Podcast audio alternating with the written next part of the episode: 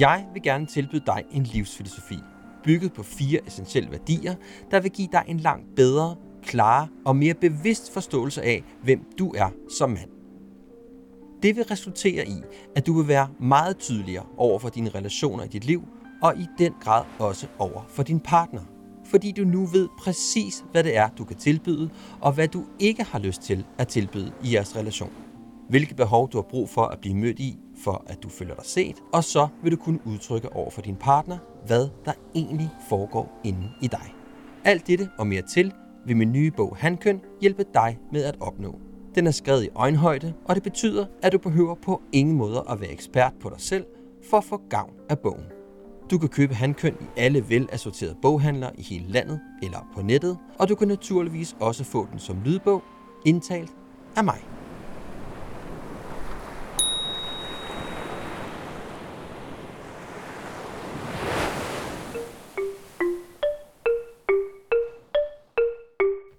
Skuespilleren David Densig, som i dag gæster Handkøn, har med hans sidste roller ikke bare haft succes i Danmark, men også internationalt. Han har gennem de sidste 20 år arbejdet benhårdt på sit håndværk som skuespiller, og det har båret frugt.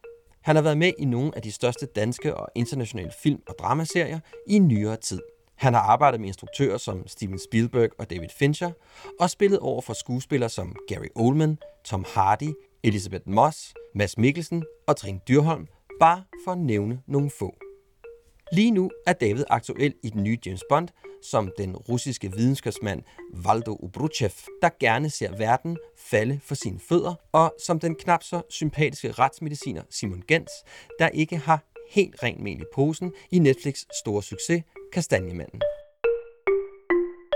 Min samtale med David har nok været en af de mere sårbare slagsen, som jeg har lavet i et stykke tid. Jamen det der at mærke indad har aldrig været en af mine spidskompetencer. Øh, jeg har mere ageret ud af. For David lægger ikke fingre mellem, hvor han ser hans styrker, men så sandelig også sine svagheder. Han kan nemlig godt se, hvor han har været lidt for dygtig til at tage sig lidt for meget af sin egen behov, og hvordan det har påvirket hans omgivelser. Jeg har nok haft set på mine partner, som at de skal være der for mig i større udstrækning, end jeg skal være der for dem. Og David er også klar over, at der er mere at lære omkring det at være en god partner.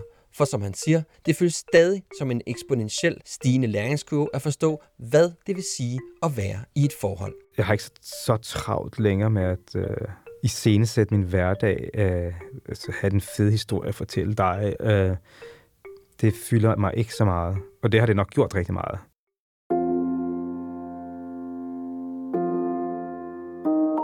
Mit navn er Mikkel. Jeg er midt i 40'erne, fraskilt og far på halv tid. Og jeg er på jagt efter at genfinde min identitet som mand. Derfor har jeg besluttet at tale med mænd, som jeg beundrer, og finde ud af, hvad deres livserfaringer har lært dem, og forhåbentlig få nogle råd, der kan hjælpe mig videre på min vej til at blive en bedre mand. Velkommen til Handkøn.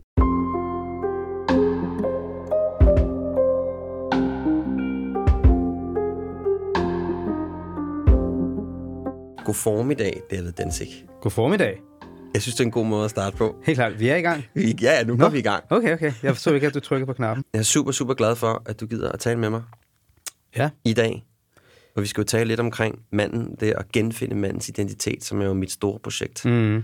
som du har villet i at tale med mig om. Jamen, helt klart. Ah, det er Lad os godt. se, om vi kan finde den. Ja.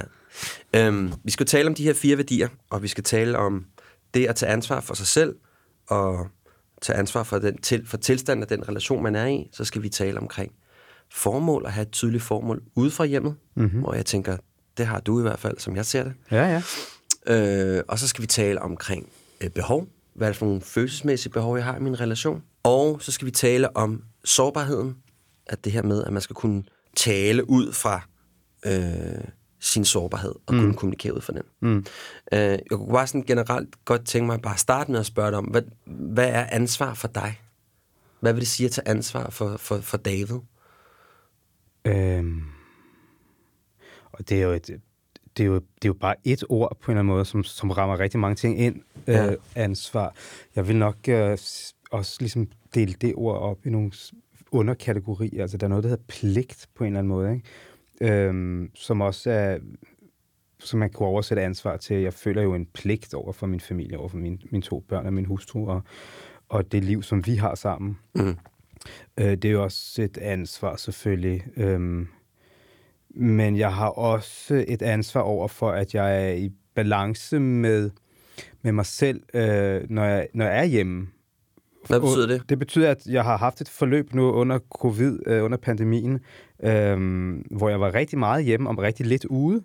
Jeg, har, jeg lever af at være skuespiller og har siden at, 20 år før pandemien har jeg været ude og arbejde og haft rigtig mange rejser, og har, det har været et stor del af min egen selvopfattelse, som jeg ikke rigtig forstod før pandemien ligesom blev en, en virkelighed, øh, og hvor jeg ikke arbejdede. Jeg havde, tror, jeg havde cirka 14 måneder, hvor jeg ikke sagde en eneste replik, altså hvor jeg gik hjemme, og hvor jeg virkelig mødte øh, min egen begrænsning.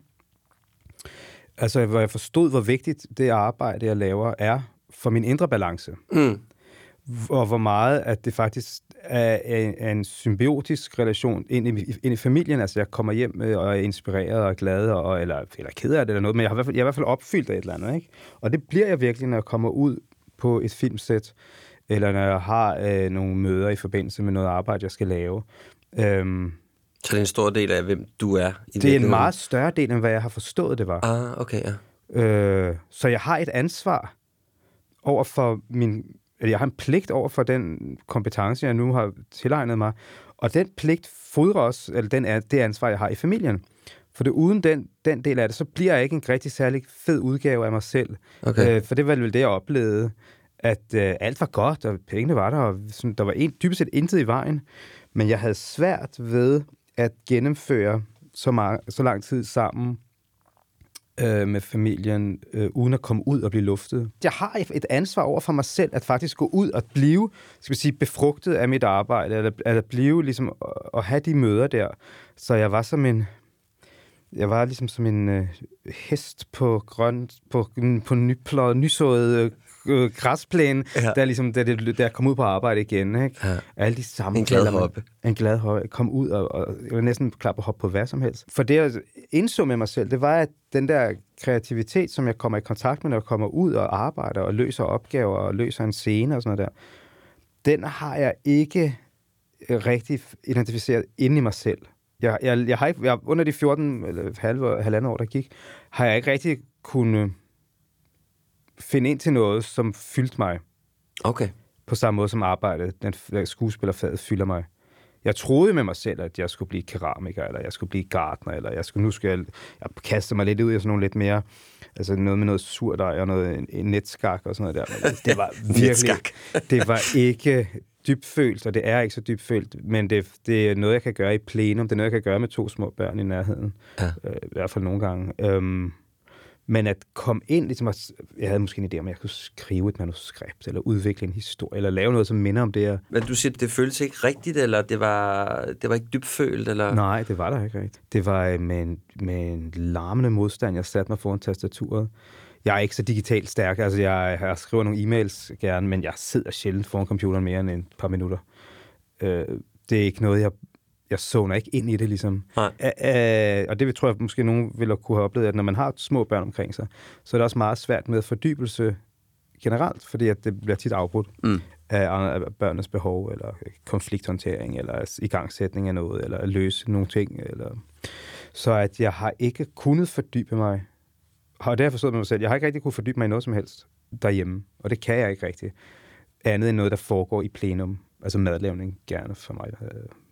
Så hvad, hvad fandt du ud af, der var, altså i forhold til, nu siger du, at, at du oplevede, at i virkeligheden, at dit formål er så en stor del af, hvem du er, og din, øh, hvad skal man sige, selvopfattelse af, hvem ja. du er. Hvad var der så ellers? Altså, hvad var der bag ved det? Altså, nej, ja, det, er, det er en stor bekymring over for min egen person. Jeg ser ind i uh, nu 47 snart. Om øh, ikke så lang tid, så bliver der vel færre og færre roller. Og så står jeg der igen, og skal fylde mit liv med et eller andet, der giver mening. Og jeg er, jeg er faktisk oprigtigt talt bange for den tid. Fordi jeg aner ikke, hvad jeg skal stille op med mig selv. Altså børn, det, der er jo helt, helt naturligt flow i det, der er ting, de skal, når vi er færdige her, så skal jeg ordne en masse ting med dem, og hente og aflevere, og der er noget modersmålundervisning og sådan noget der. Så det giver, det giver sig selv. Men om ikke så mange år, så er de jo selvkørende. Ja så er det, at man får en hund eller et eller andet, eller køber et sommerhus eller noget. Og det er måske det, jeg ved det ikke. Eller så er det måske, at jeg faktisk evner at fordybe mig i noget, når der ikke Alarm. er den støjfrekvens derhjemme, mm. eller den ligesom den der evige beredskab til at, til at løse noget. Ja, man kan også sige, altså, det, det, jeg også sådan, hørte lidt sige, det er jo de der, sådan, det var sådan, de der meget klassiske dyder, måske man har.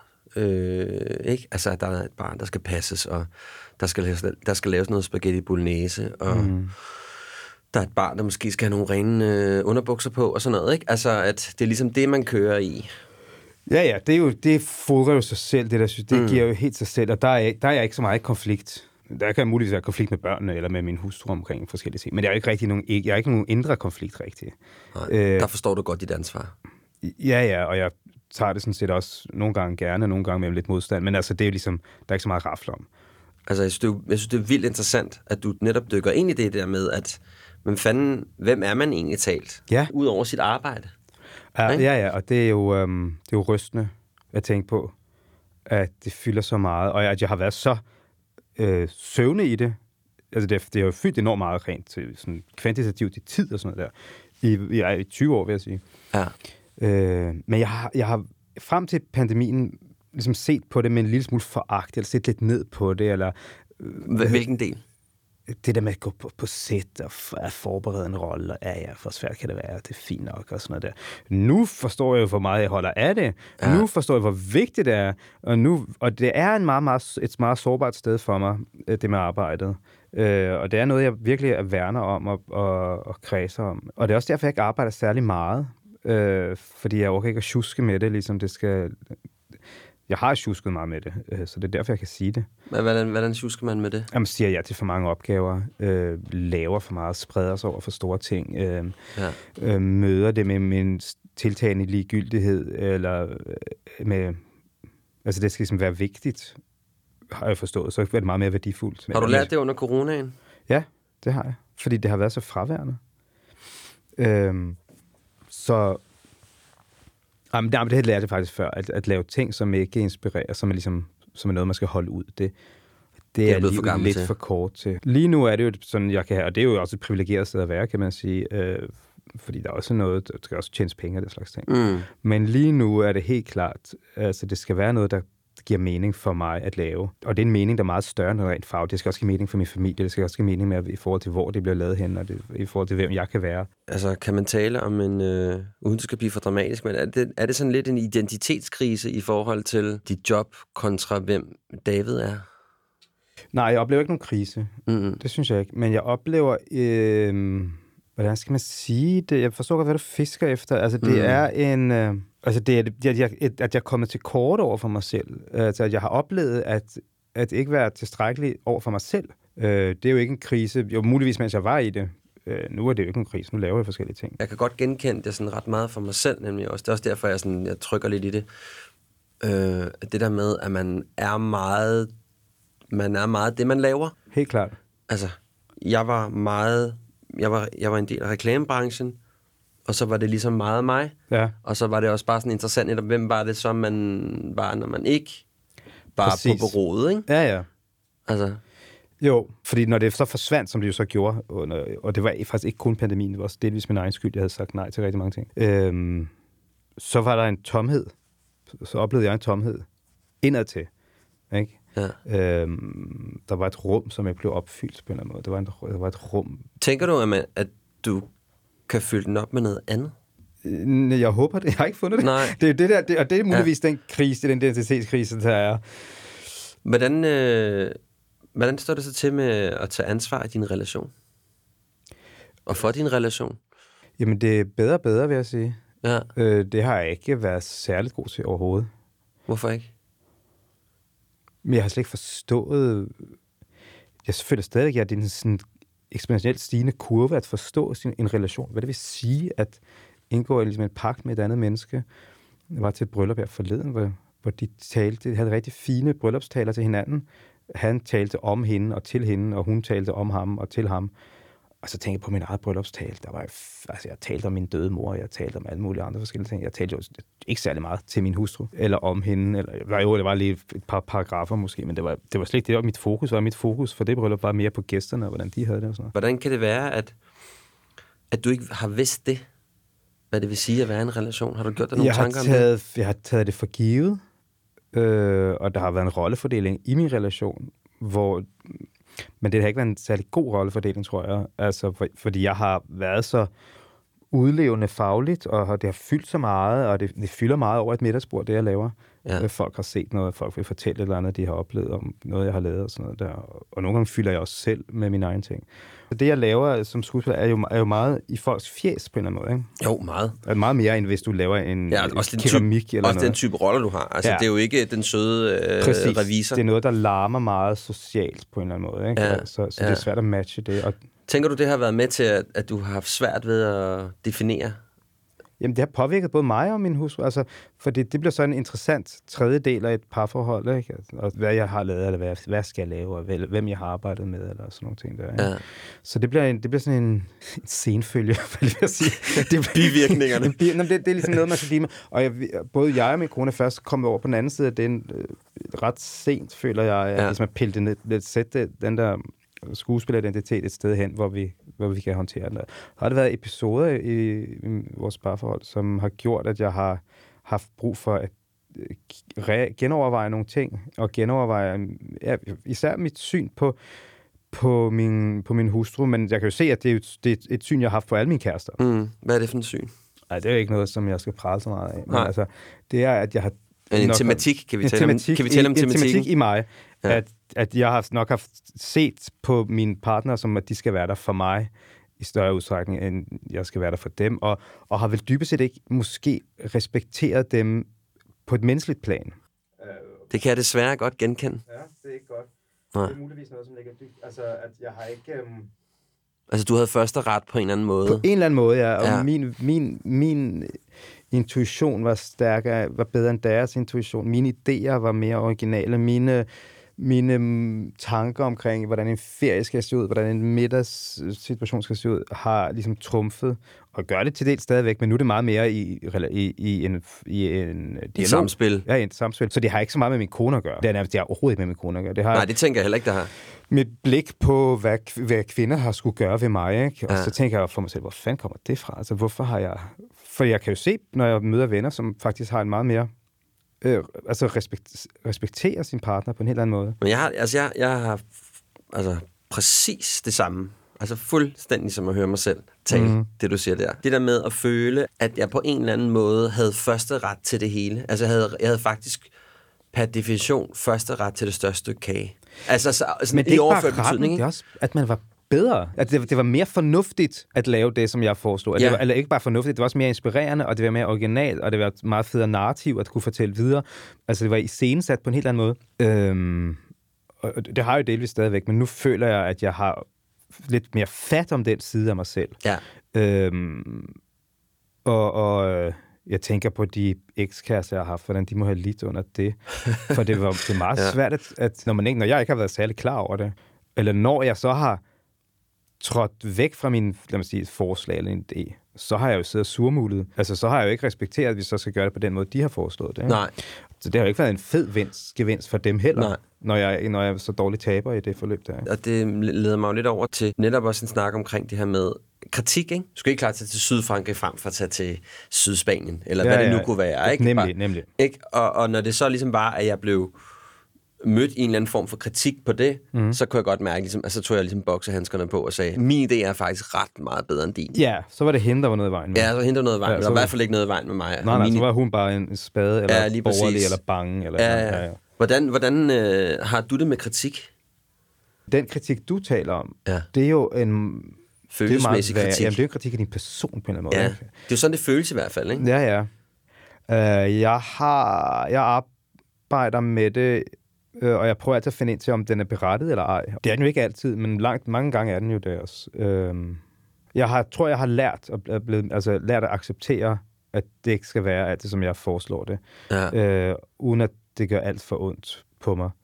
Uh, det er i hvert fald noget, jeg prøver på at lære mig selv. Ikke? Altså, hvis jeg kan se rimeligheden i det, så kan jeg godt slutte, føler jeg. At være fleksibel i sin relation, altså, Mm. altså som for eksempel Sydfrankrig, Sydspanien, der, altså, at, at, udtryk, at have den fleksibilitet at sige, "Nå, fint, så tager vi til Sydspanien, eller hvad. At Ja. kunne rumme det. Ja. det. Det er jo virkelig noget, som jeg føler er, er centralt i at komme igennem et, et godt liv med sin partner. At kunne være fleksibel på sine egne ambitioner, og på hvad man tænker, Nå, og sige, så bliver det Bornholm i teltur fire dage. Jamen, det bliver sikkert også spændende. Så er det ikke altid, at jeg kan walk the talk, det er så sige. Men, men, øh, men øh, jeg har faktisk ovenikøbet se, at der, der kan føde noget andet med sig, som kan være interessant for mig selv. Mm. Øhm. Dine idéer er øh, fine nok. Du skal da lov til at have dem, men det bliver nok højst sandsynligt min måde. Som jeg vil have det. Ja. Som jeg, som jeg ja. gerne vil have, have det. Ja. Øh, især hvis du kommer med kritik af mig, øh, øh, så tager jeg det ret personligt. Kunne vi ikke gøre sådan her? Eller jeg, jeg, jeg blev lidt ked af det, du sagde der. Eller, altså, der kunne jeg godt mærke, der havde jeg sådan helt klart en tendens til, måske devaluere det, måske bare trække mig fra samtalen. Hvad det nu kunne være. Altså, kan du genkende det? Ja, delvis, men jeg føler ikke, at det er så... Jeg, jeg føler, at jeg er blevet bedre i hvert fald her på det sidste til at kunne øh, kunne, for, kunne forstå af hendes reaktion, at hun, øh, hvis, hvis min, min, min kone bliver vred på mig, eller ked af det over noget, at jeg, og jeg kan se, at det var tavligt sagt, for det er tit det, det har været, ikke? Okay. Jeg har, det var ufølsomt sagt, eller noget. Men det gælder virkelig om at være ædru i det der, og ligesom forstå, hvornår at jeg presser noget for hårdt, øh, i forhold til, at det ikke er rimeligt. Og hvornår at man skal være insisterende på sin egen ambition, for det, eller i sin egen idé omkring, hvad, hvad der skal ske i en familie, eller en, på en dag, eller med en ferie. Ja. Øhm, og jeg vil sige, at det er lidt 50-50. Øhm, nogle gange har det vist sig, at jeg har haft gode idéer, som faktisk har været gode idéer. Ja. og nogle gange har jeg drevet ting, fordi jeg synes, det var en god idé, som har vist sig at være dårlige idéer. Ikke? Ja, så kan jeg konkludere, at når der er, der kommer noget, en form for følelsesmæssig kritik af dig som menneske osv., så begynder du at have en større forståelse for det, end du måske har haft. Ja, det kan du Eller lægger jeg ord i din mund Nej, det, det kan du måske godt konkludere. Altså, det var ikke så sent som i går, hun synes, jeg skulle passe på med at blive en sur gammel mand. Men, men, men, øh, men, men, øh, men der synes jeg faktisk, hun, var, hun tog fejl, og jeg havde stadigvæk... Jeg var sur af en god grund. Okay. Ja. Hvad giver det dig at tage ansvar? Har du sådan tænkt over det? Når det er, at du tager ansvar over for dig selv, og du øh, føler, at du gør det rigtige og lytter og sådan noget. Hvad, hvad, hvad, hvad giver det dig? Sådan følelsesmæssigt? Så når man finder ind til hinanden, efter et 10 minutters ligesom, øh, stillingskrig, ja, ja, hvor man tænker, at et eller andet op, man står noget, og den enes part, det kan være mig, det er nok også min kone. Det er jo en virkelig forløsende. Det giver en ro, og det giver øh, frisk luft i øh, relationen og i hjemmet, øh, og plads til at kunne fuck op på ny. Perfekt. Jamen, jeg havde nemlig et forløb på øh, et lidt terapeutisk coach-agtigt forløb for nogle år siden, hvor jeg havde en 5-6 sessions.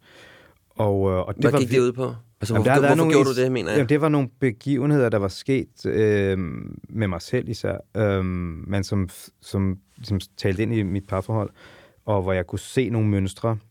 Øh, og det pussy i det, jeg troede, at jeg skulle tale om mit parforhold, men i løbet af de der 5-6 sessions, jeg talte næsten udelukkende om min baggrund. Okay. Altså ikke om den, de episoder, der havde været.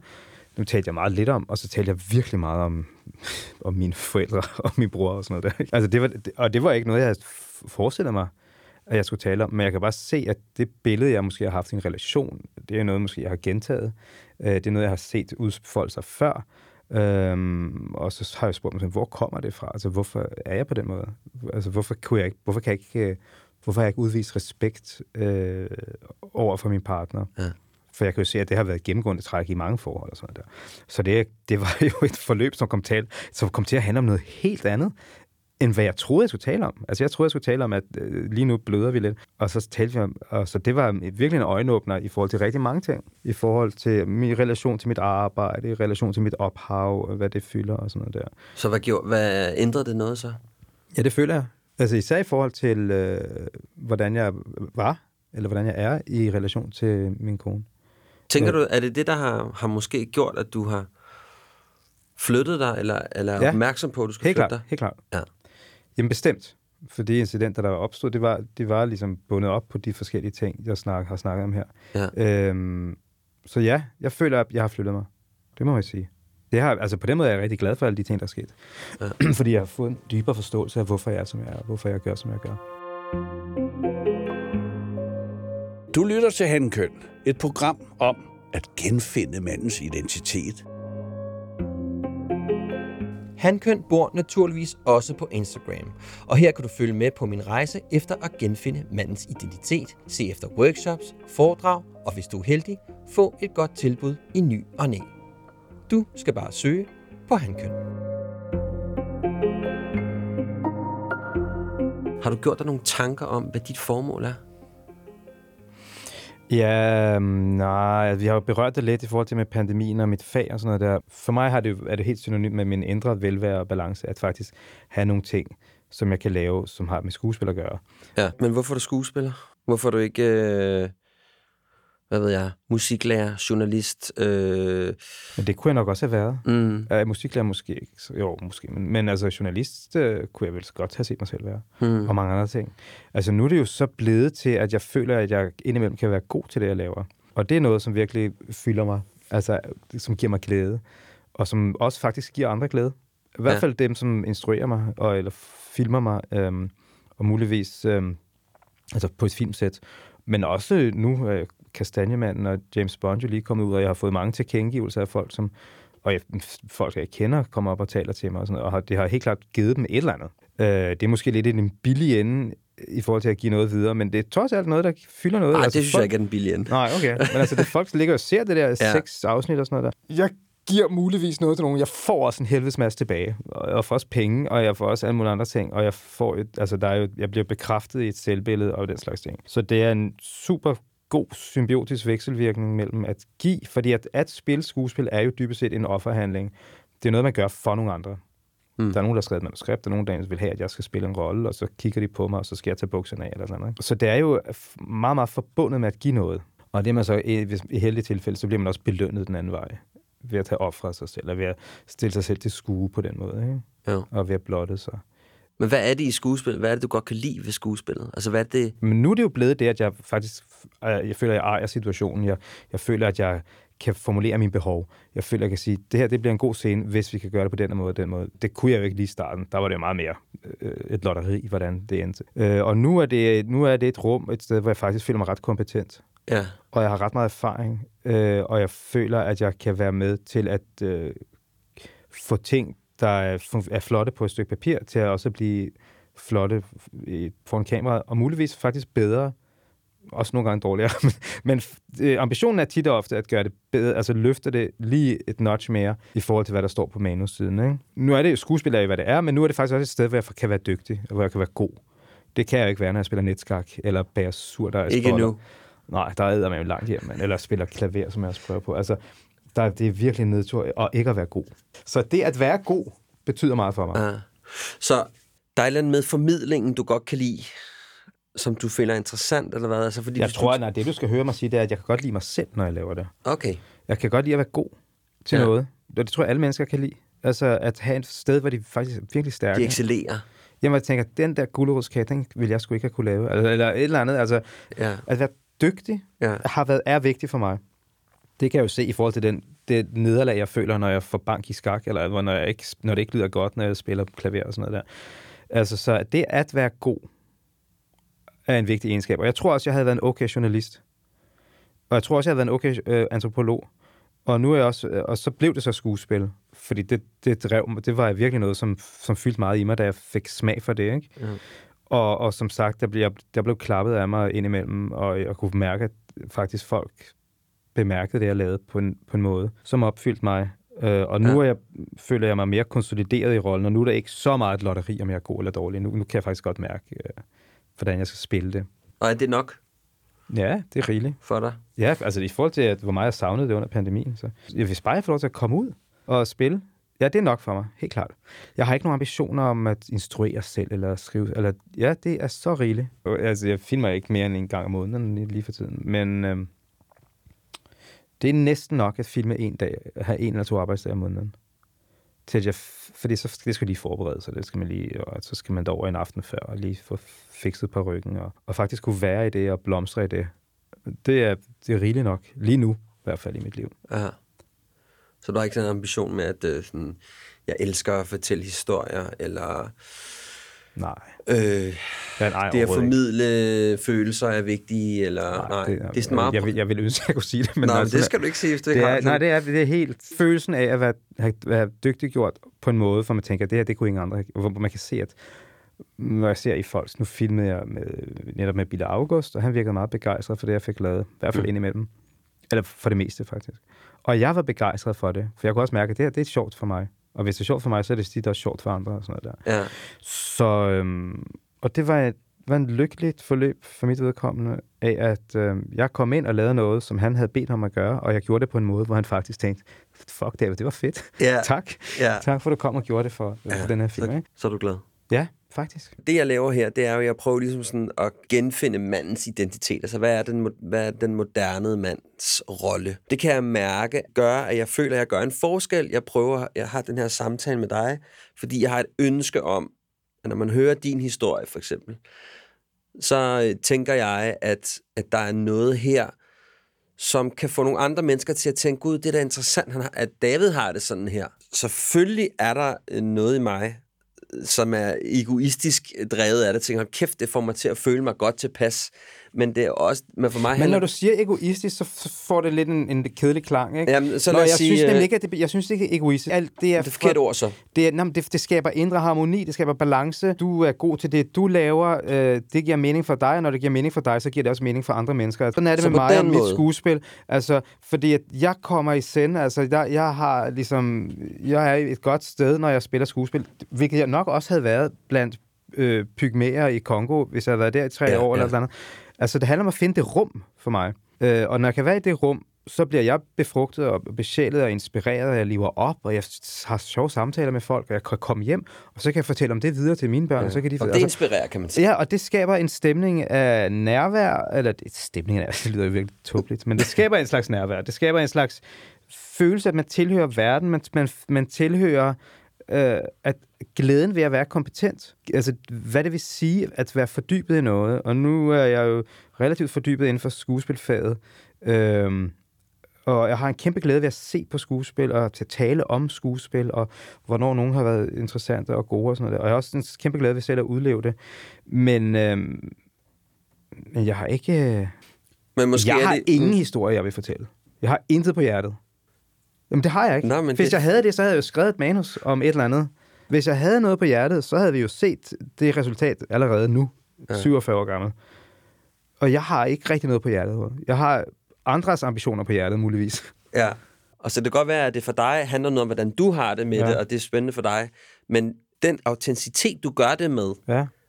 Kan Jamen, jeg jo mærke, præcis. inspirerer mig. Ja, og det er jo der, det hele giver mening i en høj. Altså, det er helt, alle pengene går op, ikke? Altså, Ja. og, og, at det giver mening for mig, at jeg er inspireret, jeg er opløftet, ja, og det smitter af sig, og det kan også og det rammer så dig i det her tilfælde, ikke? Ja. Og det er, jo, altså, det er jo det bedste, der kan ske. Altså, det er det bedste, der kan ske, at man ser noget, hvor man, tager, hvor man bliver ramt af det. Så man kan jo næsten ikke ønske sig mere. Så på den måde, altså man er i sit rette element, at man for, formår at sende noget videre i systemet på en eller anden måde, om det så er cirkusrevyen, eller krigsbilleder, eller hvad det måtte være. Det synes jeg jo i den grad også et, et, et i min optik formål handler om, jeg, jeg er pisse god til det her, jeg er rigtig god til den, og den måde, jeg gør det på, øh, gør en forskel. Jeg tror faktisk, jeg er enig med dig i det der med, at et formål er, jeg vil bruge et selvisk projekt, altså det handler om mine ting, men det er jo fordi, det er noget, som der er dybt forankret, og Ja. noget, der er i dig, som så gør, at det bliver interessant for andre. Ja, og det er jo lidt høn og ægget, den diskussion der, fordi at når du har det på den måde, mm. så får andre det også på den måde. Præcis. Sådan er det jo. Og det er også det, jeg synes, der er interessant ved den her samtale, det er, at du har trods alt valgt at gøre noget, fordi du føler for det, fordi det er noget, det er noget du brænder for. Ja. Og det i sig selv, synes jeg jo, er ekstremt inspirerende. Jamen, at se nogen være gode til noget, uanset om det er på en fodboldbane eller som jurist ja. eller hvad som helst, det er inspirerende. Altså, det er faktisk u- uanset faglighed.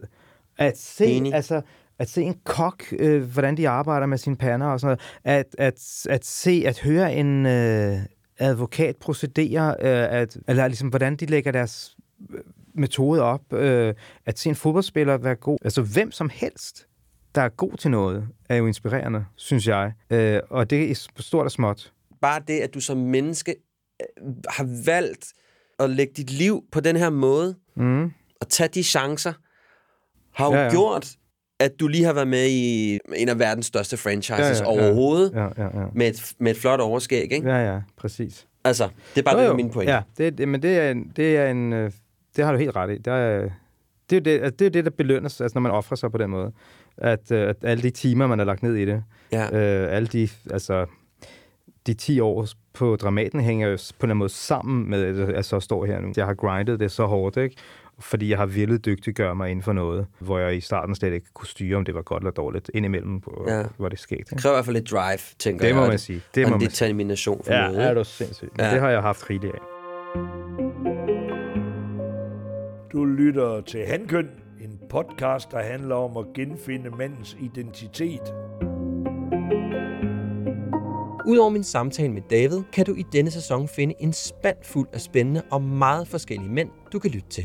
Mød for eksempel musikeren Paul Krabs, tidligere chefredaktør for Ekstrabladet Paul Madsen og politikeren Morten Messerschmidt. Find dem der, hvor du henter dit handkøn.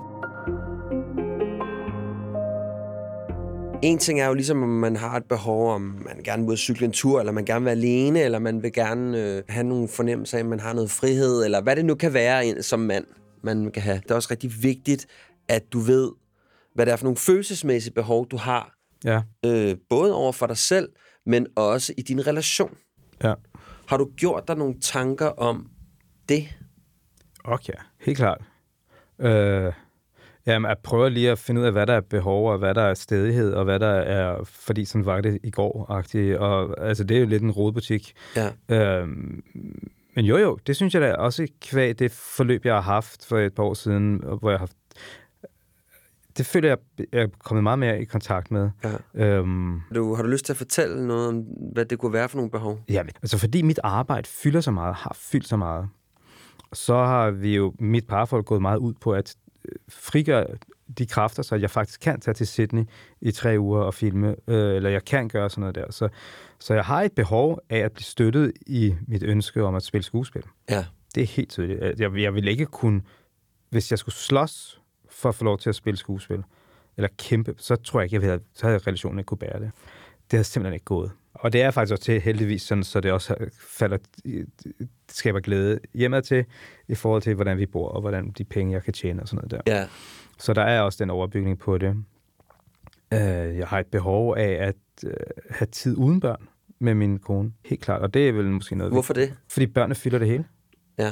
og har gjort det i rigtig mange år stadigvæk. Øh, og sådan noget med sovepladser, altså jeg gennemfører sjældent en nat i min egen seng, øh, og sådan noget der, og det er helt klart et, ligesom et, det er jo ikke længere et stridsspørgsmål, det var det, de, da børnene var helt små, men nu er det en, på en måde noget, vi Har fundet en løsning på? Nej, det er Gud ikke. Men Nå. altså, vi vi lever med det øh, på en måde, som til at arbejde, som, som jeg kan eksistere i. Ikke? Så, der, så der er brug for, at I, ligesom, I kan connecte? Jamen, jeg har snart fødselsdag, og det eneste, jeg ønsker mig, det er noget uden ungerne. For der er rigtig meget pasta og tegnefilm, der kører derhjemme. Ikke? Og Jo. det er også skønt, der, der er ikke noget i vejen med dem. Men jeg har helt klart øh, brug for at gøre noget på mine præmisser, eller at vi gør Nej, ikke noget på mine, fordi arbejde er lidt på mine præmisser. Jeg, jeg får rigeligt af David, når jeg er på arbejde. Altså, der er alt er godt. Men at, at lave noget sammen med min kone, øh, eller med andre mennesker for den sags skyld, Mm. som ikke er arbejde, det er et behov, jeg har, som godt må tilgodeses noget mere, Ja, jeg forstår. føler jeg.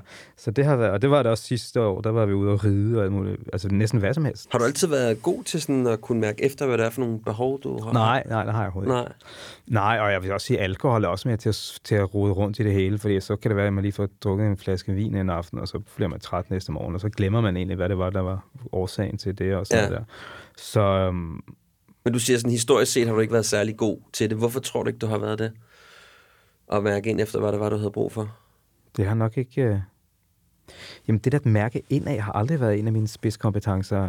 Øh, Jeg har mere ageret ud af, Okay. altså, tror jeg. Det har været meget mere reaktivt, min adfærd. Øh, men at ligesom stoppe op og tænke, puh, tag lige nogle indåndinger. Hvad er det egentlig, du har lyst til lige nu? Det har jeg måtte lære i ret sen alder Ja. at gøre. Øhm, jeg vil sige, første, næsten de første 40 år af mit liv har bare været sådan, åh, oh, så have en sur, fuck det er ham, jeg skrider. Og så løser jeg det. Altså, i stedet for ligesom at stoppe op og retænke en situation eller genoverveje noget, så har det bare altid været med en fremdrift. At, øh, Sådan her og nu. ja, her og nu, ja, så gider jeg ikke det, så gør vi noget andet, eller så, så løs. Så det har øh, slet ikke været i forhold til at tænke det ind af, hvad kan jeg gøre anderledes? Mm. Hvad var det, den person gjorde, som, som skabte de her følelser hos mig og sådan noget der. Det er, ja, jeg vil sige, det, måske fra jeg blev ja, de sidste par år først, at jeg har begyndt at tænke det ind af på den der måde der. Ja.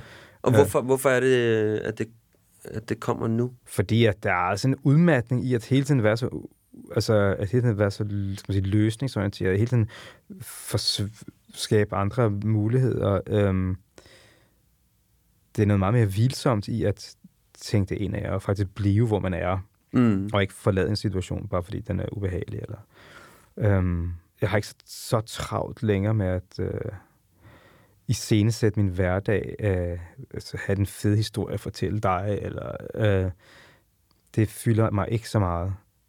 Og det har det nok gjort rigtig meget. Jeg skulle fortælle om en eller anden, hvad ved jeg, et, en filmfestival, jeg har været til, eller et bryllup, jeg var til, eller ja. noget, hvor, jeg, hvor der skal ske noget ekstra.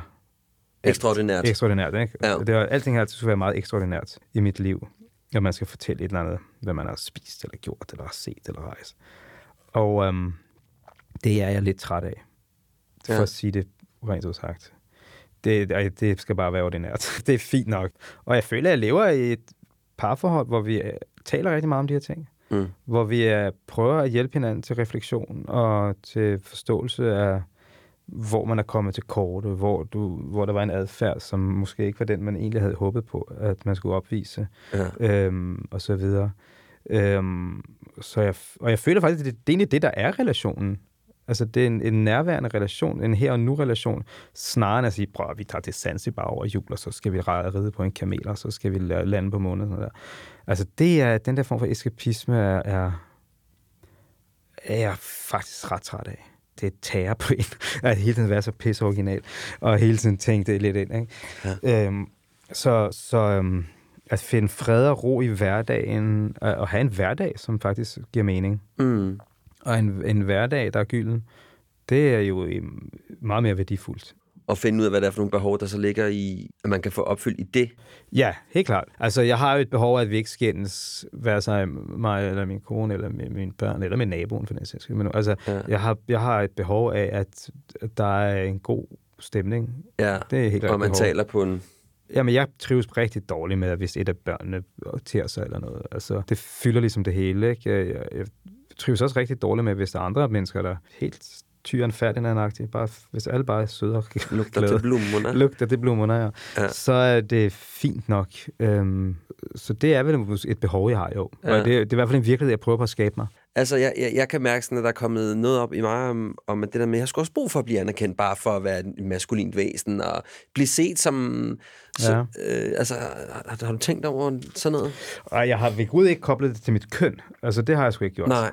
Aldrig. Men som menneske jo. Okay. Ja, ja. ja. Men at det har med min tissemand at gøre, det har jeg sgu ikke rigtig overvejet. Nej. Øhm, men, og jeg, altså, jeg, på det store hele er jeg ret, er jeg ret, øhm, er jeg ikke så begejstret for kønsbestemte fællesskaber. Nej. Altså, når man skal på fædretur, eller, eller mandeklub, eller noget. Mandehør. Altså, jeg kan slet ikke uh, se pointen med det. Nej. Altså, hvorfor skulle man? Øh, hvad er det? Jeg føler ikke, at jeg deler noget. Jeg, jeg føler, at jeg deler meget med andre mennesker, men det er sgu ikke på grund af deres køn. Det, jeg tror, jeg prøver at sige til dig, det er, at der er noget, for mig er der noget mere sådan at føle, at hun ser mig for et menneske, ja, men også, at jeg har nogle maskuline værdier, nogle dyder, som hun synes er interessante. Ja, men dem har jeg ikke så mange af. Nej, det altså, er super jeg fedt. står for indkøbene derhjemme, jeg laver maden, og det er mig, der laver æblegrøden. Øh, hun vasker vist mest tøj, men jeg har ikke...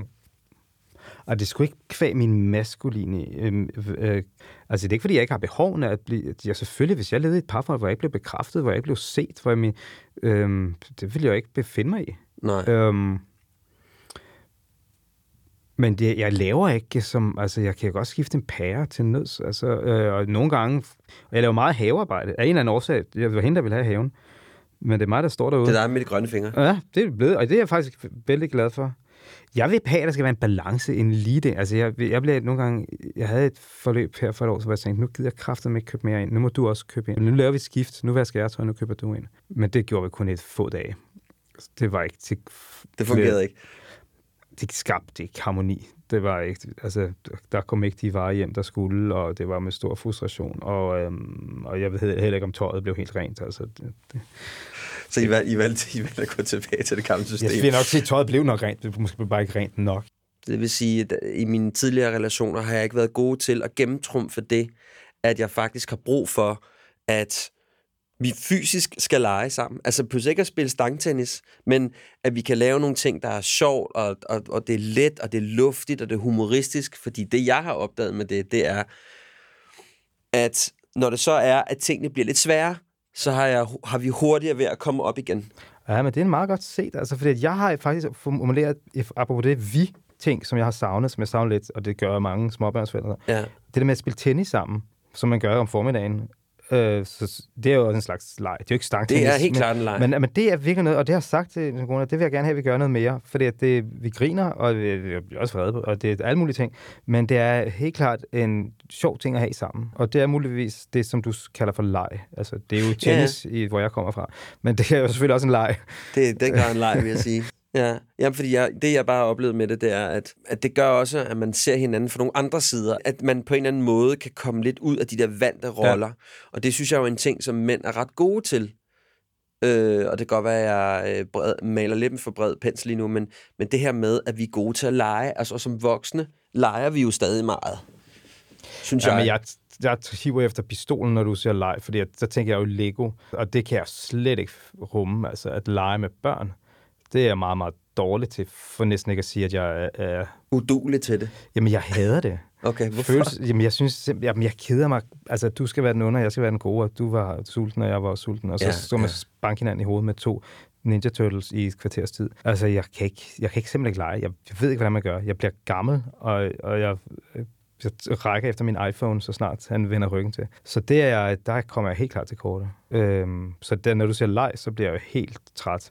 Okay. Øhm, men tennis er jo en voksen leg, så. Og det spiller jeg ved ud med mine børn også, og det hygger vi os meget godt med. Ja. Eller gå til klaver, som også er en slags ja. leg. Ikke? Er du opmærksom på dine behov, og er du god til at fortælle om dem? Ja, ja altså jeg, nej, fortæl om, men, men jeg, mm, jeg skabe skabe situationer, hvor behovene bliver tilfredsstillet. Ja, jeg tænker det både tror jeg, at ja. jeg er okay til. Uh, ja, det tror jeg, er okay til. Men jeg i tale til dem Jeg tror ikke, jeg kender mine behov på. De er ikke så tydelige for mig. Jeg har ikke siddet en liste af mine behov og sådan noget der. Men jeg har nogle gange har jeg behov for at trække mig, når vi altså i en efterårsferie eller noget, hvor jeg tænker, nu bare lige lukker jeg lige en dør her og sidder og laver noget andet. Ja. Øhm, den, så det gør jeg så, og det tror jeg, min kone sagtens kan se og forstå og tillader ligesom jeg tit går det faktisk bare ud på, at jeg skal tage en lur. Hvorfor? ja, det holder jeg meget af. Nemlig. Uh, ja. Når familiesituationen bliver for massiv, det gør den jo sjældent på en ugedag, men, men altså, det kan godt, det, nu i efterårsferien, som vi lige har lagt bag os, der var der helt klart, der var meget konflikthåndtering, og der var, altså med, med børn, ikke? Og ja, ja. i gangsætning, og prøve at fjerne dem fra hinanden, og sådan noget. Og, øh, og det var udmattende. Og det var det, tror jeg også, at jeg kan tale på min kones vegne. Altså, det var ligesom... I skulle have time-outs begge to vi glæder os bare til, at det bliver mandag, og skolerne er åbnet igen. Ja. ja. ja der, der er et eller andet der, der er ikke rigtigt... Jeg ved ikke, hvad der er med vores generation. Jeg kan slet ikke huske, at... Jeg ved ikke, om mine forældre eller vores forældre havde det på den måde. Nå, lad os gå ned til den sidste, men ikke mindst sårbarheden. Ja.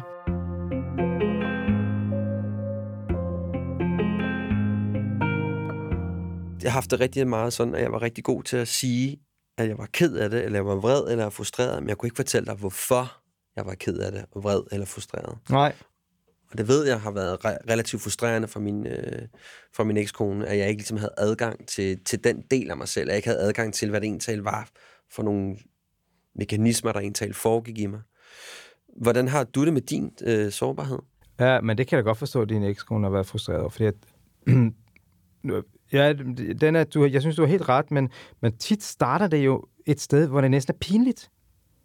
Så, hvorfor, hvorfor tog du ikke det sidste blåbærsyltetøj, når der var så lidt tilbage? Så nu skal vi ind i Altså, så starter med det, ikke? Ja. Et eller andet.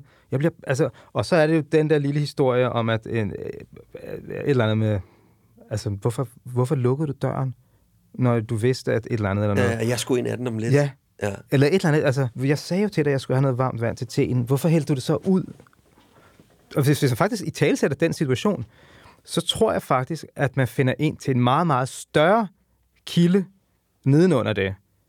Øh, det her er min erfaring, at faktisk sige til, til min kone, at hvor er det irriterende, at du gik ud med skraldet, når du så, at jeg stod med en mælkekarton. Altså, hvorfor, øh, og så, ja. og så altså, finder man ud af, at jeg gjorde det bare fordi, jamen det er altid, og hvorfor det? Og så sidste torsdag, der var der også noget med noget tandpasta. Eller noget. Og så er man i gang med faktisk at finde ind til noget, som måske handler om de værdier, man har som mennesker, og, og de prioriteringer, man har, øh, og sådan noget der. Øhm, så der har jeg faktisk lært, og nogle gange synes jeg, det er skamfuldt, altså at sige det med, hvorfor hældte du det kogende ud, eller, øh, ja. eller jeg blev pisse irriteret. Det sker jo tit rigtigt i, i, i farten, måske noget, øh, som hun kan sige, i, når nogen bliver hentet fra en lejeaftale. Ja, ja, men David, han var også i Irland i torsdags, eller et eller andet. Og så går de og siger, hvorfor siger du, det har det med sagen at gøre, at jeg var på Irland, ja. eller et eller andet. Ja. Og så, og, så jeg synes faktisk, og det har jeg også, det er også igen en erfaring fra både at have set en del scener, hvor folk er, har et terapeutiske forløb, men også selv ligesom har været i en stol, altså faktisk ja. jamen jeg kunne ikke finde den skide kasket, og så er, lige, så er man i gang. Det er også sådan, Soprano starter, ikke? Han sidder nede i poolen, og så lander der en and i poolen, og så går han til psykolog for det eller andet, og så siger jeg ved ikke, hvorfor jeg sidder, der var en and, der landede i poolen, og kvæg den and, Ja, så, så har man så op for et ni sæsoner af Sopranos, ikke? Altså, fordi så er der et eller andet med noget med noget vand, eller, eller og ja. hans mor, eller, eller andet steg til julet, eller andet. Så at, øh, det er jo tit i detaljen, hele forklaringen ligger. Øhm, nu fik jeg lige fyret en lille øh, tanke af, anekdote af, men jeg ved ikke, om det var det, der svarer lidt. Jeg synes du egentlig, du svarer jo til dels på det og siger sådan, jamen, altså, det lyder til, til på mig som om, at din tilgang til din sårbarhed nogle gange kræver nogle at du cirkler rundt om noget, før at du kommer ind til det, det handler om. Ja, det er, det er jo sådan, der. Ja. Helt klart. Øh, ja, så fremtrædende er den jo ikke. Øhm, ja, men her forleden dag, når jeg skulle have lavet den her serie på Danmarks Radio med Leonora, så blev den aflyst, var ja. nedlagt, og, og så tænkte jeg, nå, men så går, gik der lige to uger, så tænkte jeg, fuck, jeg er egentlig vred over det, fordi jeg havde så lukket kalenderen, og nu har jeg ikke noget at lave frem til. Jeg er indtil der kommer noget nyt, ikke? Øhm, fordi det er virkelig, uh, min, altså man skal ikke tjuske med, med min, ja, med min sku, skuespil og med, altså, med det, som jeg holder af at lave. Og jeg, jeg synes, det blev behandlet, ikke kun over for mig, men over for alle, ja. på en enormt uh, ufed måde, altså, og på, på en arrogant måde, uh, og på en måde, som fylder mig af foragt, og altså, jeg, hvor jeg fuldstændig mister respekten for de mennesker, som så enkelt, det er ikke det eneste opkald, der er kommet i min vej. Uh, det var bare et eller andet, der blev taget hen over et skrivebord. Ja. Sådan en følelse i hvert fald. Ikke? Så at jeg synes, at det er jo, og det er, jo, det er jo virkelig sårbart. Jeg er også sårbar, når jeg spiller foran kameraet, hvis, hvis nogen siger noget tavligt til mig. Det sker næsten aldrig, men det kan, det kan godt ske, eller, eller nogen øh, ikke forstår ligesom, min indsats i det, og mm. ikke ser den. Og hvad så, hvis din kone siger noget til dig, som, som gør den alder? Ja, så, så, får, så skal jeg faktisk, så tror jeg, jeg svarer igen med det samme. Okay. Men jeg kan huske, i forhold til madlavning og sådan noget der, der har jeg nogle gange stået timevis eller noget. Og så kommer folk ind og, og bare sætter sig ned og spiser, uden overhovedet at vente på, om jeg har sat mig. Altså, og sådan noget der. der kan jeg godt føle mig sårbar også. Altså, det, ja. synes jeg, det synes jeg, for det ikke ser, for det ikke stopper op og faktisk forstår, at okay, der har været en proces bag det her, øh, som, som... Ikke anerkender dit arbejde. Ja, ikke anerkender mit arbejde, ja. Helt klart. Der kan jeg godt, der er jeg helt klart sårbar. Ja. Og der er jo mange andre steder også altså for mig har det skabt nogle problemer, at jeg ikke har kunnet... Altså, jeg har haft mange blåbær-samtaler. Blåbær-marmelade-samtaler med min ekskone, ikke? Ja, ja. Altså, hvor at jeg har sagt til hende, du ved, ja, men hvorfor også det, eller det, det er da også noget mærkeligt noget. Øh. Altså, det handlede måske om, at jeg ikke følte mig set eller hørt, eller jeg følte mig sgu ikke lige elsket den dag, eller hvad det nu kunne have været. Der er mm. alle mulige sårbarheder, der kan ligge. Ja, ja. Og så er jeg bare sådan lidt nysgerrig på, om du sådan kan genkende det for dig selv i forhold til hvis du har en sårbarhed over for din kone, når du siger omkring det der med marmeladen, eller, ja, ja. eller om det kommer, kommer det ud på andre måder nogensinde, eller er det primært igennem, at du starter et sted, og så ender du et andet sted? Ja, hvis det er skjult for mig, er det jo sådan der. Nogle gange er det ret tydeligt. Vi havde en episode hvor her, der, hvor, hvor vi havde nogle issues med et af børnene, og, der, og det var noget, der virkelig gjorde mig ked af det. Ja. Og hvor jeg også var virkelig ufed. Altså, hvor jeg var kommet et sted hen, hvor jeg ikke var glad for at være. For et, et meget kort øjeblik. Øh, Hiver du dig så selv tilbage?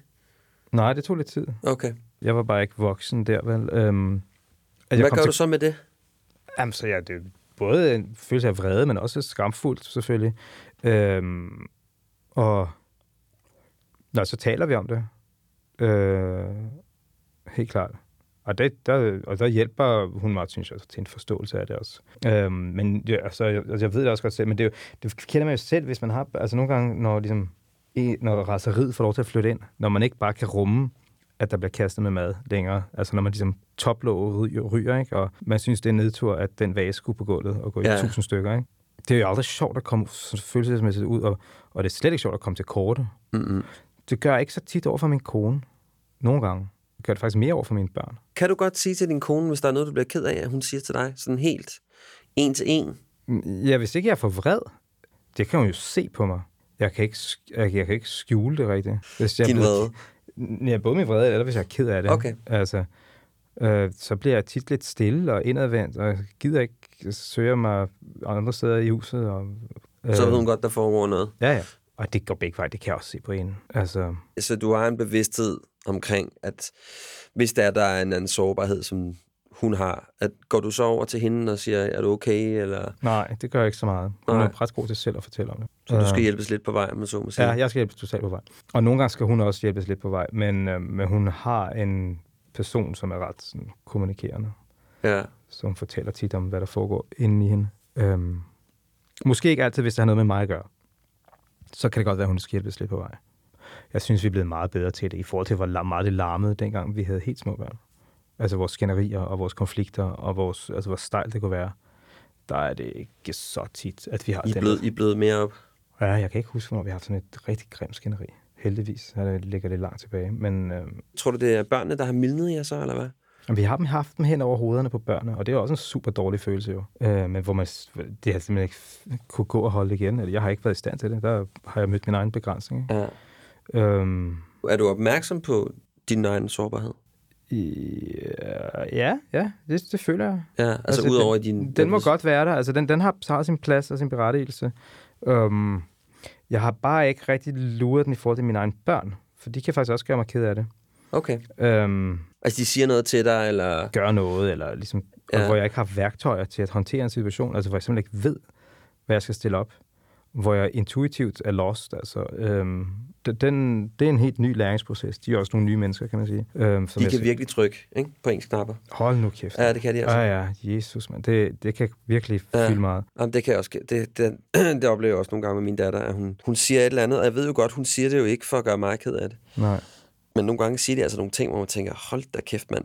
Det kan ramme. Altså, der har jeg ikke noget sprog endnu. Øh, det er ved at udvikle. Altså, på den måde er det jo ikke, kan det, bliver det ikke lige så rammende i forhold til min kone. Altså, for det nogle gange kan det være svært at gå i dialog med et barn. Især, ja, det, hvis det, det, det er svært. Stedigt barn, et barn, der gør eller siger ting, som, som er urimelige også. Ikke? Ja. At kunne rumme den der urimelighed, fordi man ved, at for enden af den, så ligger der noget andet. Det, det, har jeg, det skal jeg skulle lige lære kan være, jeg skal gå et kursus. Hvis du skulle lave en status på din sårbarhed, ja. hvad er så den? Hvordan har den det? Jamen, den har det faktisk meget godt, synes jeg. Ja. Men det betyder ikke, at jeg ikke, at jeg, altså, jeg positionerer mig også i forhold til den. Der er nogle ting, situationer, jeg måske undgår. Der er nogle relationer, jeg ikke er så aktiv omkring, fordi jeg ved, at det er for svært for mig at navigere i. Øhm, så den, den fylder jo det, den fylder det. Øh, og jeg forholder mig jo til den. Øhm, Men du kender også dens begrænsninger? Eller dine begrænsninger overfor jeg, jeg møder dem i hvert fald indimellem. Og det er jo ikke en fed ting. Det er jo ikke, så føler man sig ikke særlig rig. Altså, man tænker, nå, der blev jeg vred igen, eller nu fik jeg jo lige hisset mig op. Ja, ja. Eller nu, nu, nu, gik jeg langt før, vi havde aftalt, fordi jeg simpelthen ikke kunne holde personens selskab ud. Eller noget. Det er jo ikke helt, altså fint nok, så er det jo sårbarheden, der snakker, men det er jo endnu federe at kunne have den og, og bære den ja. med sig, hvor man indgår. Ja, ja, ja. For, ja, for at lade den diktere. Altså, jeg bryder mig ikke sådan super meget om at være sårbar. Altså, jeg er klar over, at det er nødvendigt for mig at være. Mm. Altså, jeg, jeg, jeg, jeg forstår godt efterhånden værdien i at kunne udtrykke mig sårbart, fordi det fjerner så mange skamysler. Det fjerner så meget ja, ja. unødvendigt øh, blåbærsmarmelade ja, ja. samtaler, ikke? Men, men jeg vil sige, at, at altså, så jeg er blevet okay venner med den, men det er stadigvæk lidt ligesom at gå til tandlægen, synes jeg, når jeg, jeg, jeg hiver den frem. Ja. Altså, jeg synes stadigvæk, det gør, jeg synes stadigvæk, det niver, når jeg skal, altså, jeg kan godt overskue nivet Jeg kan godt overskue, Ja, hvad det er, men jeg synes, jeg synes, jeg synes da ikke er som udgangspunkt, at det at være sårbar er, er super sjovt stadigvæk. nej, det er jo det, man er. Altså, man er jo hele tiden sårbar. Selvom man er stærk, er man jo sårbar. Det er det. Øhm, men det er faktisk meget forløsende at kunne sætte ord på den.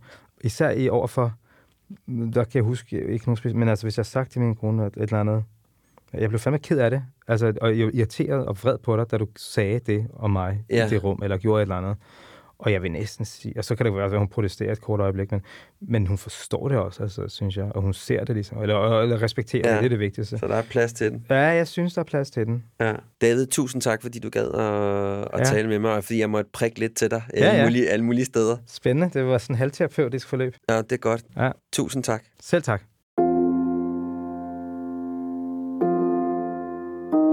En ting, jeg lagde mærke til i vores samtale, var, hvordan David så på sit eget formål. For ham handler det meget om at få opfyldt sit eget behov. At han kan føle sig dygtig og blive anerkendt for det, han laver, og ifølge ham ikke så forfærdeligt meget andet. Det fik mig til at tænke over, om det ikke også er en del af det, der driver mit formål. Om det er en af grundene til, at jeg laver det, jeg gør. Og svaret er 100% ja.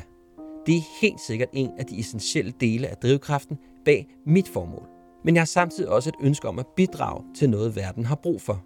Og det er essentielt for mig, for at kunne blive ved med at finde energien i at genfinde mandens identitet. Med andre ord, begge dele skal være til stede. Næste gang kan du møde journalist, hurtigtaler og tusindkunstner Anders Lund Madsen. Indtil vi høres ved, så pas på dig selv, og så husk at pakke en sweater. Det begynder altså at være lidt koldt derude. På rigtig fint genhør.